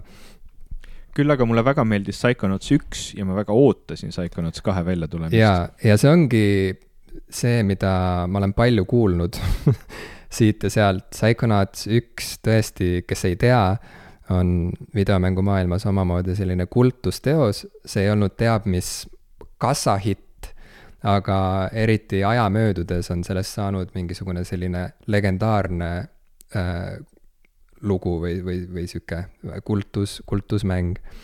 Äh, peaasjalikult sellepärast, et sellel on väga selline kummaline ja, ja iseloomulik ähm, visuaalne stiil äh,, mida võiks võib-olla võrrelda mingi siukse Tim Burtonliku äh, unenäomaailma esteetikaga, kus asjad on, kõik hooned on natuke siuksed puseriti ja kõveriti ja, ja, ja tegelased samamoodi, et keegi ei näe välja realistlik, vaid, vaid ongi äh, mingisugune selline 3D animatsioon, mis äh, natuke meenutab sellist nukuanimatsiooni äh, ja, ja, ja, ja jah, midagi Tim Burtonlikku ja siis veel midagi kolmandat, mida ei oskagi võib-olla nagu sõnadesse täpselt panna, ühesõnaga selline nagu kummaline, võiks öelda isegi nagu inetu stiil, mis siiski oma sellises rohmakuses tõuseb muust massist väga selgelt esile. ja seal oli ka sihuke põnev lugu, kus äh, siis nagu pealkiri Psychonauts võib juba, juba vihjab, äh, oli, mõned tegelased saavad seal siis hüpata teiste tegelaste psüühikasse ja seal erinevaid asju korda saata, kas siis aidata neil üle saada mingist äh, traumast või, või, või sundmõttest või, või, või teha veel midagi kolmandat. ja, ja, ja selle mängu loonud stuudio Double Fine on ka mängutööstuses omamoodi selline mm, legend nüüdseks ilmselt, sest et, võiks isegi öelda kurikuulus äh,. on kurikuulus või? ma ei tea, räägi sellest. teatud mõttes pärast. nendega käib kaasas alati selline nagu lugu, et, et palju, palju suuri lubadusi, aga alati nagu veits sihuke nagu äh, veits pettumus mm.. Aga jah, ma ei tea, võib-olla see on nagu see, mida mina olen kuulnud mingitest nurkadest siit ja sealt, minule on nad alati ka meeldinud, sest mulle Tim Schafer ja tema, tema üldine looming ja olek ja kõik on väga meeldinud. no just, Double Fine'i eesotsas äh,, Double Fine'i kapten ja, ja nende peamine äh, kirjanik ongi siis Tim Schaferi nimeline kodanik, keda ma olen kusjuures kohanud päriselus ähm,. kas ütlesid talle tere? ma. tere, Tim. tol hetkel ei teadnud, milline Tim Schafer välja näeb, nii et kui ma hakkasin vaatama seda dok'i ah., siis ma sain aru, et ma olen, ma olen teda näinud mm,. aga Tim Schafer on jah, selline nagu väga isikupärase stiiliga jutuvestja või võib nii öelda ja, ja juhtumisi noh, tegu on inimesega, kes ilmselgelt oleks vabalt võinud ka saada kirjanikuks tegelikult ja noh, ta ongi kirjanik, aga ma räägin nagu kirjanikuks klassikalises mõttes, kirjanikuks, kes avaldab juturaamatuid, novellikogusid, romaane, eks ole. juhtumisi Tim Schafer jutustab oma lugusid siis videomängude meediumis, nii et nagu arvata võib, on tema loodud ja tema stuudio loodud mängud sageli väga narratiivipõhised ja, ja, ja neis on just lugu see, mis lõpuks kõige rohkem loeb Äh, mitte võib-olla see action või mis iganes muu sihuke äh, virvarr, mis võib-olla mõne teise mängu puhul on esiplaanil äh,. ja võib-olla isegi loo, loo asemel. et Double Fine'i mängud ja Tim Schaferi mängud on siis väga sellised lookesksed ja tegelaste kesksed. ja, ja Psychonauts kaks oli selline kauaoodatud järg ikkagi väga palavalt armastatud sellisele kultushitile Mm, ja, ja see äh, Youtube'is äh, kätte saa-, Youtube'ist kättesaadav doksari Psych Odyssey on siis selline korralik kolmekümne kahe osaline äh, päevik, võib-olla võiks öelda, mis siis kuue aasta pikkuse perioodi jooksul jälgib selle mängu saamislugu, alustades sellest, et see idee ivakene pistetakse mulda ja vaadatakse, kas sellest hakkab midagi idanema, kuni siis selleni välja, kus see mäng välja tuleb. Ja selle aja jooksul toimub nii mõndagi.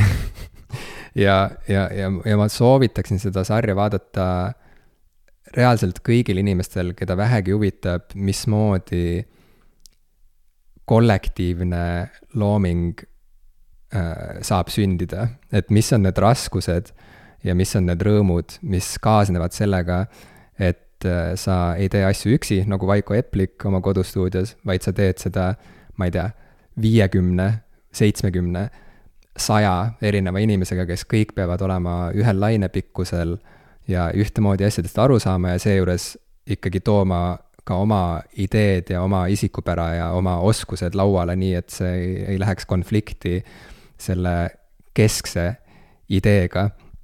ja see on ikka nii pöörane vaatamine, selles mõttes ma ütlengi, et, et tegu ei ole dokiga, mis võib-olla on huvitav või, või, või mis võiks kõnetada ainult inimesi, kes on mänginud Psychonauts ühte või üldse inim-, inimesele, kellele nagu arvutimängud midagi väga tähendaks. et see ei pea olema hardcore mingisugune geimer äh, selleks, et mõista mis on selle doksarja väärtus või, või, või mida sulle seal näidatakse, et, et sama hästi see võiks olla mingisuguse bändi lugu. mingis mõttes ma, ma võin seda isegi võrrelda selle mm, äh, selle, selle fantastilise dokfilmiga, mille siis lõpuks äh, see Sõrmuste isanda triloogia režissöör, aita mind välja, mis Peter Jackson, äh, mille mm -hmm. Peter Jackson lõp lõpuks kokku pani sellest Beatlesite ähm, mm -hmm. Get Back, oli, oota, Get Back oli selle äh, filmi nimi.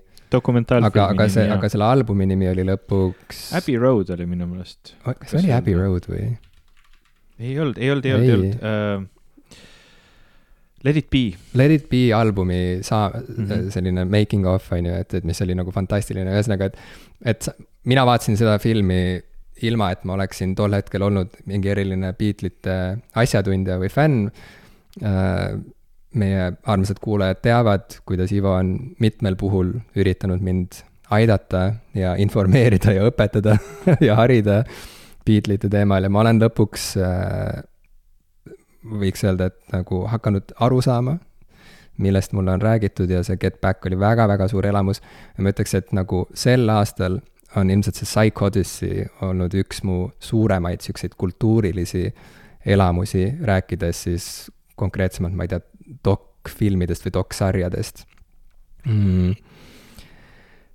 see, nagu ma ütlesin, on väga pikk vaatamine, see on äh, pikem kui kakskümmend tundi kõik kokku, nii et ma olen vaadanud seda võib-olla mingi kaks kuud niimoodi pisteliselt jupikaupa.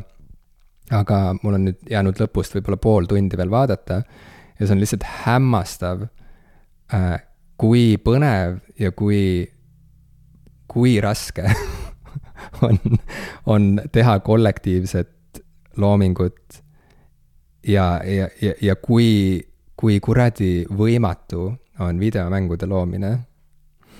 Äh, sul võivad olla kui tahes head äh, ideed ja kavatsused, aga lõpuks ikkagi seda kõike nagu tööle saada ja, ja teha nii, et see oleks päriselt äge ja noh, nende puhul neil oli veel vaja ju kultusmäng, kultusmängule luua järg, on ju, et, et see pidi olema nagu vähemalt sama hea kui mida see esimene osa. ootasid mm. -hmm. jah, pluss veel midagi enamat, sest et vahepeal on inimeste ootused ka ju kõvasti mm -hmm. tõusnud mm. -hmm. et see on lihtsalt nagu nii pöörane äh,, mida kõike nad peavad nagu läbi tegema selleks, et see asi päriselt valmiks, valmis saaks.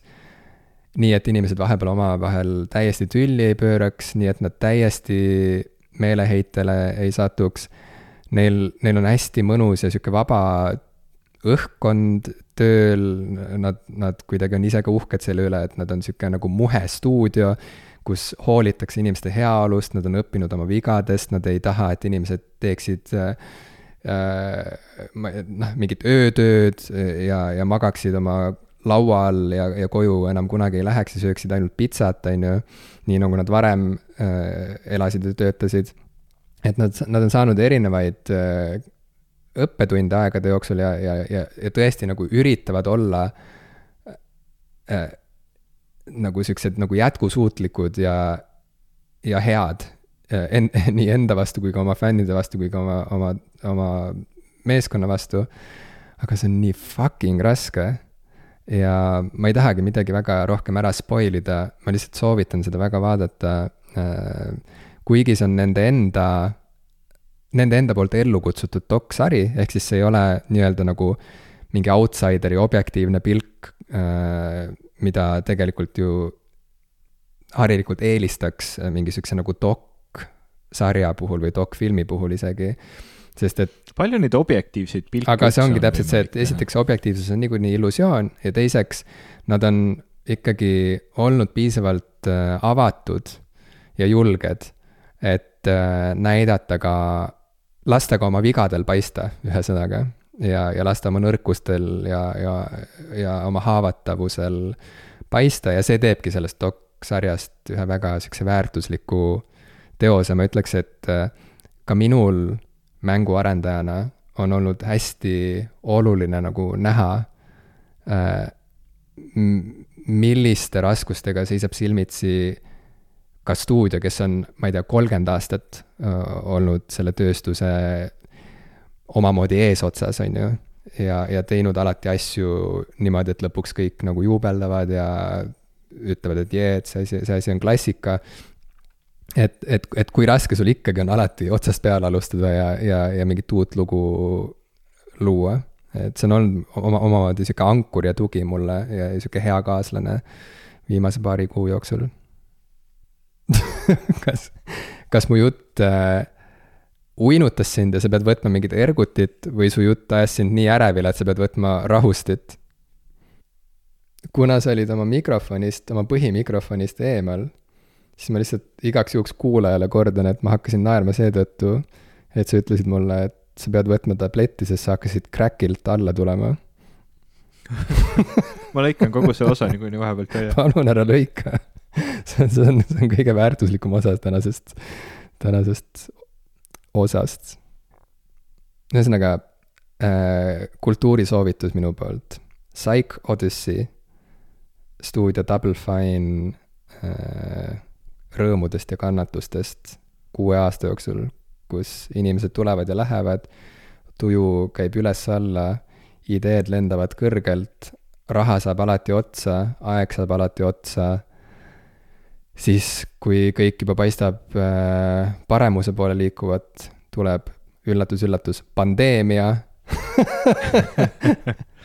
siis tulevad, kuna nad. ja ei liigu enam paremuse poole. kuna, kuna tegevus toimub San Franciscos, siis toimuvad ka need tohutud äh, iga-aastased äh, tulekahjud äh,. tulekahjud mm. -hmm. põlengud, äh, millest me kahjuks igal aastal uudistest jälle kuuleme ja mis lähevad iga aastaga hullemaks. ühesõnaga, kõik see toimub paralleelselt sellega, et äh, inimesed lihtsalt üritavad teha ühte toredat äh, mängukest ma olen, ähm, kui, kui Double Fine tegi oma esimese selle Kickstarteri mm, ja, ja nad sellega nii-öelda lubasid tagasi tuua seiklusmängude või nende hiirekliki seikluste žanri. Äh, oma nii-öelda see, selle projekti nimi tol hetkel oli Double Fine Adventure. ja, ja selle, see oli siis minu, minu teada see esimene kord, kui nende stuudio oligi, noh, nagu tegigi seda, et võtsid selle mänguarenduse Nad võtsid äh, nii-öelda avali-, avalikult, inimesed said Kickstarteri läbi seda ise toetada ja siis nad andsid nagu pidevalt välja siis siukseid videoosasid, dokumentaal nagu sarja osasid sellest, kuidas nad seda mängu arendasid ja kuhu nad välja jõudsid, seda ma, ma omal ajal vaatasin, see Double Fine Adventure'it, mis, millest siis lõpuks sündis mäng nimega Broken Age mm, -hmm. mis natukene oli selline, et ma mäletan, et seda Kickstarteri poolt äh, kritiseeriti, et nad küsisid justkui nagu ühe hulga raha, aga siis nad tegid nii palju suurema mängu, mis läks nii palju kallimaks, et nad pidid veel mingit raha juurde kaasama ja mm, -hmm. ja, ja, ja siis see mäng venis õudselt palju ja siis ta, kas ta ikkagi oli nüüd täpselt see, mida lubati ja, ja kõik, noh, ma mäletan sihukest nagu meeletut jauramist seal ümber. mina yeah. vaatasin siis nii seda sarja, äh, mis selle kõrvalt tehti, kui ka mängisin lõpuks seda mängu ja pean tunnistama, mulle väga meeldis see Double Fine Adventure või see Broken Age nii et, eh, nii et mina ainult kiidaksin. Tim Schaferi mängud üleüldiselt, see story ja, ja kogu see visuaalne disain ja kogu see maailmaloome tema puhul on nagu uskumatult hea yeah.. ja ma il, ilmselt siiamaani minu kõige lemmikum lemmikmäng üldse läbi ajaloo on olnud Grim Fandango, mis on, mis on nii uskumatult hea nagu žüžeega, tegelastega, kirjutusega, visuaalse stiili, tegelased, noh, kõik on nagu ülivõrdes. ta on lihtsalt hästi keeruline ja tüütu mäng, mida mängida, aga muidu yeah. ta on super hea you know, Grim Fandango, Monkey Island, Full Throttle. Eh, need on mm, on kõik siuksed lood, mille puhul äh, reaalselt mul on nagu kahju, et mõne inimese äh, eelarvamus takistab teda kogemast seda lugu, kuna tegu on videomänguga, mitte novellikoguga või romaaniga. sest et ma ise olen täiesti veendunud, et äh, need on paremad kui suurem osa romaane ja novellikogusid, mida ma elus olen lugenud. et need on samamoodi väga värvikate karakteritega äh, ja, ja keerukat, ma ei tea, psüühikat, siseelu ja samas äh, suurt huumorisoont nagu sisaldav looming loojutustus mm. -hmm. see ei olnud korralik lause, mille ma moodustasin just, aga ma loodan, et mõte tuli läbi. Ühesõnaga, need, ma olen nõus, need on, need on, need on klassikud põhjusega ja, ja, ja, ja yeah., ja sellel on põhjus, miks neid mänge ikka veel armastatakse ja meenutatakse hea sõnaga ja uuesti välja antakse, ma ei tea, remasterdatud kujul, sest et inimeste ekraanid on vahepeal paremaks läinud ja nii edasi. Äh, sest need lood lihtsalt ei jää äh, ei jää aja hammasrataste vahele mitte kuidagi, nad ikkagi kõnetavad inimesi läbi aegade, just nagu hea klassikaline kirjandus. ja Tim Schaferil on nii toredalt lapsik huumorimeel selles, kuidas ta kirjutab yeah., mul on siiamaani, ma, ma mängisin põhikoolis Full Throttle'it ja mul on siiamaani meeles, kuidas lihtsalt nagu pooled naljad sealt on nagu meeles sellest, kuidas see mäng algab, juba mängu alguses on see, kus, kus ähm, siis peategelane on, on baaris ja seal baaris istub selle baari taga nii-öelda, seda baari peab mingisugune selline kogukas maikaga selline kiilakas mees, kes siis seda baariletti seal niimoodi pühib ja, ja ei taha midagi peategelasele rääkida, sellel nii-öelda baarmenil on ninarõngas ja siis, kui sa võtad sellest ninarõngast kinni, siis see peategelane ütleb, et you know what would look better on your face? What? The bar ja siis tõmbab tal nagu selle ninarõngaga laksti vastu seda baariletti. Now I m gonna only ask you this once ja no mingid siuksed täiesti nagu random momendid sealt on mul nagu meeles, et kui sa noh, näiteks sul on, sul on võimalus noh, valida nagu erinevaid asju, et, et kas sa vaatad seda silmadega, kas sa katsud seda käega, kas sa lööd noh, nagu katsud seda jalaga või siis noh, on nagu suu, et suuga sa saad rääkida või siis seal on nagu keel ka ja kui sa võtad mingi random asja peale nagu võtad selle, valid selle keele, siis I m not putting my lips on that et seal on noh, nagu nii palju siukest noh, nagu nii palju mälestusi mm -hmm. on, on selle mänguga seotud ja see, mida sa seal väikeste, väikeste jänkukestega, nende remote controlled bunnies, mida sa nendega teed miiniväljakul ja kõik see on nagu ääretult lõbus ja mm, -hmm. ja tore ja kihvt. jaa. ühesõnaga, tervitused Double Fine'i värvikale ja toredale seltskonnale ja tervitused Tim Schaferile ja. mul on ka meediasoovitus. ja, ja kuulame ära sinu meediasoovituse mm.. see on ka üks Youtube'i sari, mida ma olen viimasel, viimasel, issand, ma ei teagi, millal nad alustasid, aga sellest alast, alates, kui, kui see välja tuli, olen ma seda nagu niimoodi väga põhjapanevalt ja kogu aeg jälginud, see on nüüd umbes aasta vana kanal. selle nimi on Jetlag the Game ja mida? Jetlagged te... gay? The Game, jaa. The Game? seda peab, The Game. okei okay., mitte, mitte on nagu... üks sihuke, sihuke Youtube'i kanal nagu Wendover Productions Äh, ja Wendover Productionsil on, on mitu päris tuntud Youtube'i kanalit, äh, nende hulgas minu meelest nagu ka selline naljakas kanal nagu Half as Interesting ja seda peab üks sihuke tüüp nagu Sam Demby. Ta on hästi, hästi sihuke lahe, intelligentne, huvitav tüüp. Ja mingi hetk nad otsustasid siis oma selle Wendover Productionsi tiimiga teha geograafia teemalise ja geograafiat kasutava mängu nagu, nagu lauamängu mm. -hmm. ja, ja see lauamäng nagu selles mõttes on huvitav, et see lauamäng ei ole mitte nagu la laua peal mängimiseks, vaid see lauamängu laud nii-öelda on maailm eh,. Nii et neil on nüüd juba väljas viis hooaega, saadet just lõppes nende viimane, viimase, viimase hooaja viimane osa. Ja need on siis sellised erinevad maailma sees toimuvad mängud, näiteks esimene oli äh, Äh, saja tunniga ümber maailma jõudmine, neil on kaks, kaks nagu tiimi, kumb jõuab saja tunniga äh, ümber maailma, et noh, et ja, ja kes esimesena jõuab tagasi sinna, kus alustati. Et sa pead, sul on nagu hunnik äh, raha, mida sa saad näiteks lennupiletite või rongipiletite või muu jaoks nagu kasutada, aga seda ei ole piisavalt palju ja selleks, et seda raha juurde saada, pead sa mingeid challenge eid tegema noh, näiteks, et eh, mis neil seal on tekkinud, jõuad kuhugi linna, pead seal linnas nagu sööma, ma ei tea, kolm eh, ainult seal saadavat toitu või, või sa pead purju jooma ennast kohalikust alkoholist või sa pead tegema bungee hüppe või noh, mida iganes, see kõik nagu, iga challenge annab siis mingi hulga raha. ja need teised mängud, mis neil on olnud, olid näiteks Connect Four mida nad tegid USA-s ühend, Ühendriikides nagu tegid need osariikidega mm. -hmm. ehk siis Connect Four on see mäng, kus sa pead neli kõrval olevat nagu asja oma värviga saama. Äh, ja nemad siis pidid saama neli kõr-, kõrvuti seisvat äh, seda mm, USA osariiki siis nii-öelda endale. ja samamoodi tiimidega liikusid erinevate osariikide vahel, teised said osariike ära varastada ja noh, sul oli siis oluline neid challenge'id seal teha. Nad mängisid kulli üle Euroopa Äh, nad äh, vaatasid, kes saab äh, piiratud ajaga kõige rohkem USA osariike nagu enda kontrolli alla ja viimane ja kõige parem, noh nagu kui, kui te vaatate nendest kõikidest ainult ühte, siis, siis täiega seda, see on, see on seni nendest kõikidest kõige parem olnud, on see, et nad tegid Uus-Meremaast lauamängu, kus nad siis autodega sõitsid mööda Uus-Meremaad ja pidid siis tee peal nagu challenge eid lahendama, see oli nagu uskumatult äge, äge mäng. Ja, ja ma juba väga ootan nende järgmist hooaega, kus siis mäng toimub Jaapanis. Oh,. see kõlab nii, nii lahedalt. Ja sa ütled, et see on, see on, see on Youtube'is või? jaa. Hmm.. Jah, täitsa niimoodi lihtsalt võtad ette, kirjutad Youtube'i Jetlag the game ja võid vaadata nüüd juba viis hooaega sihukest nagu väga lahedat äh, reisimismängu väga,. väga-väga lahe, ma, ma tahan seda väga näha. nii et äh, siit ka siis minupoolne meediasoovitus teile kõik lingid on saate märkmetes. Jetlagged, The Game, Psych. kõik märkmed on meie kodulehel. Psych Odyssey koduleheküljel on ka kõik olemas meie kodulehekülg on popkulturistid.com, kes pole seal ammu käinud.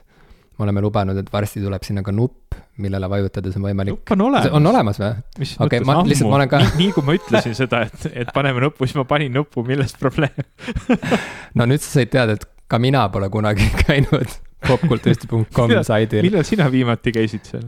ma tegin seda reklaami praegu iseendale ennekõike, et kui ma hiljem mingil põhjusel kuulan seda tänast osa, siis ma saaksin lõpus meeldetuletuse, et ma võiksin tšekkida meie kodulehekülge, sest jumal teab, mis seal kõik olla võib nii et ma ise ega siin käiakse vähe, viimase kuuekümne päeva jooksul on ainult kolmsada nelikümmend kaks külastust olnud, nii et. no seda ei ole ju nii vähe, see on ikkagi rohkem kui kaks, ma arvasin, et võib-olla on nagu kaks korda käidud viimase kahe kuu jooksul.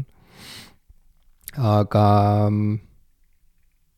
jaa, aitäh, et te kuulasite, me suundume nüüd äh, tahatuppa, kus me hakkame kurtma äh, ja rääkima asjadest, mis on eriti maisised äh,. eriti maisiseid saateid saab kuulata Patreonist kes on ammu Patreonis, see teab.